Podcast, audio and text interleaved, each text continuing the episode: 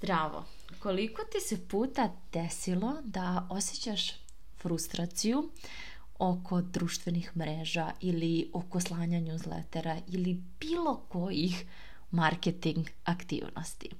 Ovo te pitam zato što sve češće čujem da ljudi mrze marketing, da im to stvara neku frustraciju ili kad kažu joj, kad pomislim na Instagram, ono, tako mi je to grozno, tamo moram da objavljujem nešto, stalno neke novine, sad je real aktuelan itd. itd.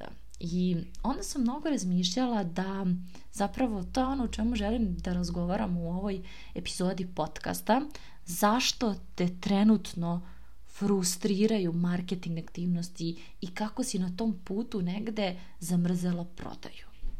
Pa zapravo, kada krenemo od početka, nije da se meni nije dešavalo da me mrzi, da nešto postujem. To je uglavnom bilo vezano za Instagram i to je uglavnom bilo kada ja stvorim određena očekivanja sebi u glavi i kada kažem e ovaj reels želim da mi donese to i to ili postojem na Instagramu kako bi jel te došli novi pratioci ili ne znam snimam ovaj podcast kako bi neko čuo i onda se desilo to i to i to je upravo ono zbog čega danas ljudi neki mrze marketing aktivnosti, podcast, reels i slično tome, zato što unapred postavimo očekivanja i kažemo želim da mi ovo što sada radim donese to, to i to u tom vremenskom periodu. A taj vremenski period uglavnom bude prekratak da bismo ostvarili određeni cilj.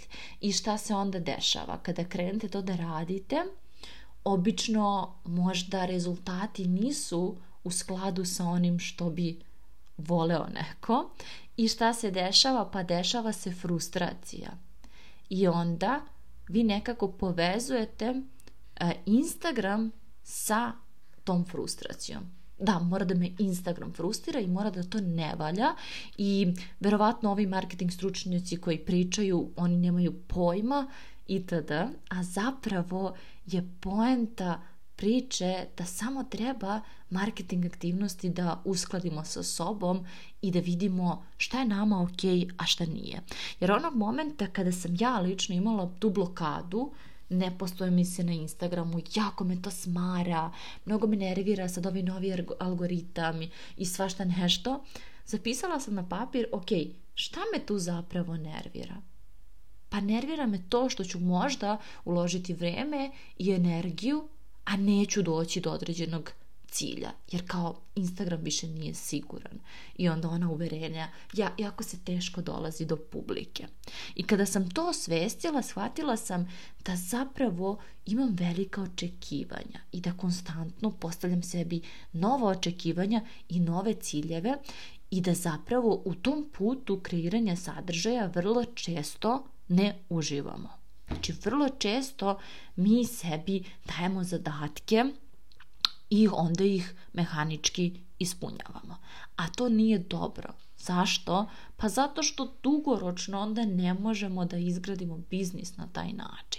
Znači onog momenta kada sam to svestila i promijenila u svojoj glavi, u smislu rekla sebi ajmo da vidimo šta ti je zabavno na Instagramu, šta bi bilo korisno tvoje zajednici, šta želiš da podeliš pa makar niko ne kupio od tebe. Šta je ono što bi bilo tebi vredno da ostane pa čak i da ovaj biznis ne postoji. E to je moment kada mi se onako spustio taj, ta, ta frustracija se spusti i onda kreneš da kreiraš sadržaj iz prosto želje da određenoj osobi pomogneš i želje da prosto neko napravi određenu promjenu u životu, da nešto ostane iza tebe. Onda kreneš da kreiraš iz nekog i osjećaja izazova, kako da pobedim sada sebe, kako da se snimim, kako da ovaj, ovo snimanje zapravo bude interesantno, kako da probudim svoju kreativnost i onda se u našem telu zapravo pokreću ti hormoni i taj osjećaj zadovoljstva. I kada se mi naviknemo i kada zapravo e, moj coach kaže da emocije kreiraju navike, kada imamo te pozitivne i dobre emocije nakon svakog kreiranja i kada onako nagradimo i pohvalimo sebe, vremenom se dešava da zapravo ti kreneš da uživaš u kreiranju sadržaja. Ja, na primjer, uživam kada ovo snimam i moje emocije nakon snimanja podcasta su uvek wow. I to je razlog zbog čega ja uopšte ne uređujem ove ovaj podcaste, niti ih snimam i sto puta, već samo sednem i kažem ono što imam. Znači uvek ima vremena da mi ju napređujemo. Moj podcast će za godinu dana sigurno biti mnogo bolji, biti možda mnogo i tehnički, da kažemo, uređeniji. Možda ga nis, neću sama kačiti ili ću možda imati svoj studio ili šta god. Ali danas ono što je jako važno jeste da učinim ono što je do mene, u smislu ono što je moj maksimum. Moj maksimum je da sednem kada sam inspirativna, da kažem ono što imam i da taj podcast okačim i podelim sa ljudima. Jer ako samo jednoj osobi to znači, ja ću biti zadovoljna. Zašto? Zato što ako jednoj osobi znači i ako jedna osoba rezonuje sa onim što ja pričam, onda sigurno ima još hiljadu takvih ljudi. I to je poenta. Znači ovaj sadržaj koji mi kreiramo nije samo sadržaj koji ti izbacuješ u etar i to je to. To je kao lični razvoj. Prosto često ljudi su u fazonu koju čit, e, knjigu da čitam kako bih radila na, na sebi. Pa ne trebaš da čitaš knjige, trebaš da radiš, da činiš akcije. Meni je ovo rad na sebi. Meni je svaka objava rad na sebi, jer i svake te objave ili komada sadržaja koje kreiram, zapravo ja napredujem i negde vidim ogromne promene kada šaljem, na primjer, newsletter, koliko se manje opterećujem e, oko toga koliko će možda ljudi da ode, koliko će ljudi da pomisli x ili y, i zato znam da je svaki komad sadržaja zapravo rad na sebi, koliko sam ja zapravo svaki put kada snimim nešto sigurnije u sebe i kada to pustim u etar. To zapravo to je onaj moment ranjivosti kada mi puštamo da budemo to što jesmo i da je ok da se ljudima ne dopadnemo. I da je okej okay da neko misli da sam ja ono budala i da ne znam ništa. Meni je to totalno okej. Okay. A nekada su to bili moji najveći strahovi, šta će drugi ljudi da kažu i kako ću tu da se nekako predstavim u njihovim očima, jer verujem da svi mi vučemo prosto određene traume, tako da jako je važno da radite na tome, jer što se preoslobodite toga u biznisu, to će vam biti lakše da na kraju uživate u tom procesu, jer ne možemo da se krijemo. Činjenica je da ljudi žele da nas čuju, i da ima jako puno ljudi kojima mi prijamo, ali da ima jako puno ljudi kojima nećemo prijeti. I to je istina. I to je zapravo najveća moć ovoga što radimo, jer ja ne znam ni jednu drugu stvar gdje vi toliko možete radite na sebi. Znači, zapravo to je razlog zašto ja biram biznis. I sada da se vratim negde na temu uvek vrlo, vrlo lako mogu da odputam u nešto drugo, jer upravo volim da pričam, tako da hajmo da se vratimo na ovu temu. zašto ti mrziš marketing aktivnosti i kako da to promeniš? Pa to možeš da promeniš tako što ćeš sa jednog velikog marketing stola, znači to, kažem, zamisli ono jedan veliki švedski sto na kome se nalazi svašta. Znači zaista postoji milion načina da dođeš do svojih kupaca do prodaje, bukvalno da ideš samo i uživo da pričaš čime se baviš, sigurno sam da već tako može doći do mnogo ljudi, a kamoli online gde ima pregršt opcija. Ono što je poenta jeste da ti sa tog jednog švedskog stola uzmeš ono što tebi prija, da testiraš i da vidiš. Ako uzmeš sve, to je ono što se vrlo često dešava ljudima, vrlo verovatno da će ti biti muka od toga. Tako da uzmi jednu po jednu stvar i isprobavaj. Ja to volim da povezujem sa hranom. Znači probaš nešto, vidiš da li ti prija, vidiš da li ti je to ok. i onda odlučiš da li želiš da nastaviš sa tim. Ako, na primjer, e, znate ono kad jedeš, na primjer, jednu te istu hranu, pa ti se neko vrijeme prosto smuči i nije ti do toga, onda stani pauziraj. Ako si bila na Instagramu šest meseci, postovala kontinuirano i sad nekako osjećaš da imaš blokadu u tom sadržaju, generalno da imaš blokadu da na bilo kojoj platformi kreiraš, onda stani. Daj sebi odmor.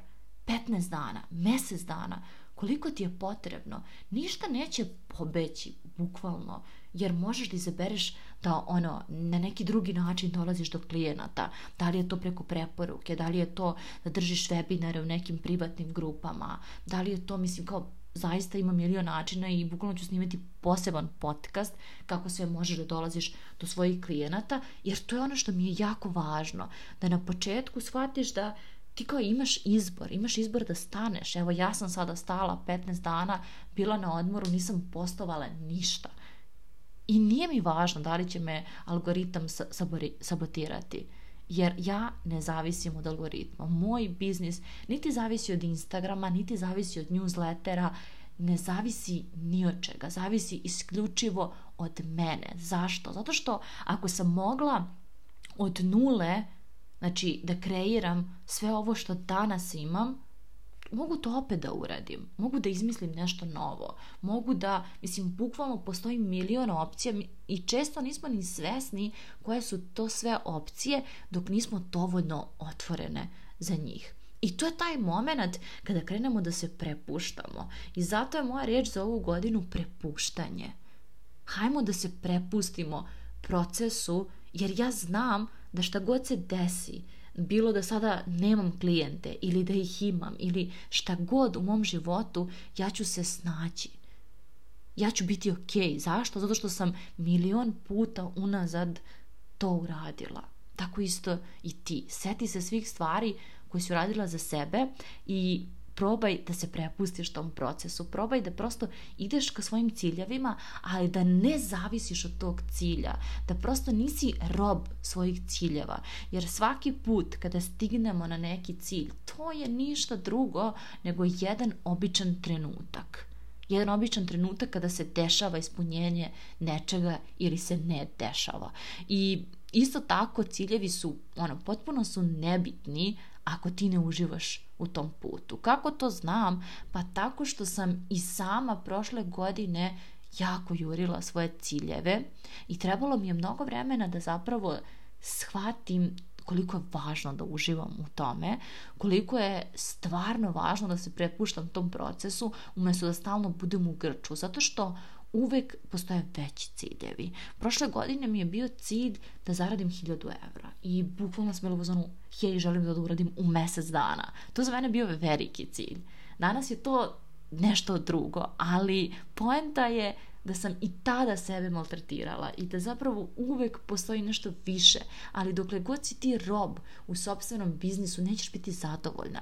Ja sam svaki od tih ciljeva E, ostvarila i premašila što se tiče financijskih stvari i Znači, moj život u smislu financija je jako porasta u odnosu na ono sam bila pre godinu ili dve, ali što se tiče nekih drugih stvari se mnogo unazadio. Upravo zbog toga što sam nekako svoje uživanje povezivala sa ciljem. Kada budem imala novca, ja ću znati da uživam. A šta se desilo? Pa desilo se upravo suprotno. Znači, ne da nisam uživala, nego mi je bio pakao. Bila sam još više pod stresom. Imala sam ogroman strah. A šta ako ovo? A šta ako ono? Znači, to je, je ta anksioznost koja se stalno u glavi ono lomi i koju jednostavno moramo da držimo pod kontrolom. Znači, svi imamo te probleme, to je većina ljudi i poenta je da naučimo da zapravo cilj nije ono što te činiti zadovoljnom. Znači ako ti nisi zadovoljna sada i ako sada bičuješ sebe i teraš nećeš biti zadovoljna ni za godinu, ni za dve, a ako planiraš ovim da se baviš do kraja života kao ja, onda moraš što pre da naučiš da čuvaš sebe. Jer zapravo jedino što bi trebalo da radiš u svom biznisu je da budeš iskrena sa sobom, da budeš iskrena sa svojim klijentima, da negde voliš sebe na kraju krajeva i da budeš tu za tebe jer ti si motor svog biznisa. Znači, ako tebe nema, prosto nema ni tvog biznisa. Nadam se da ti je ova epizoda koristila.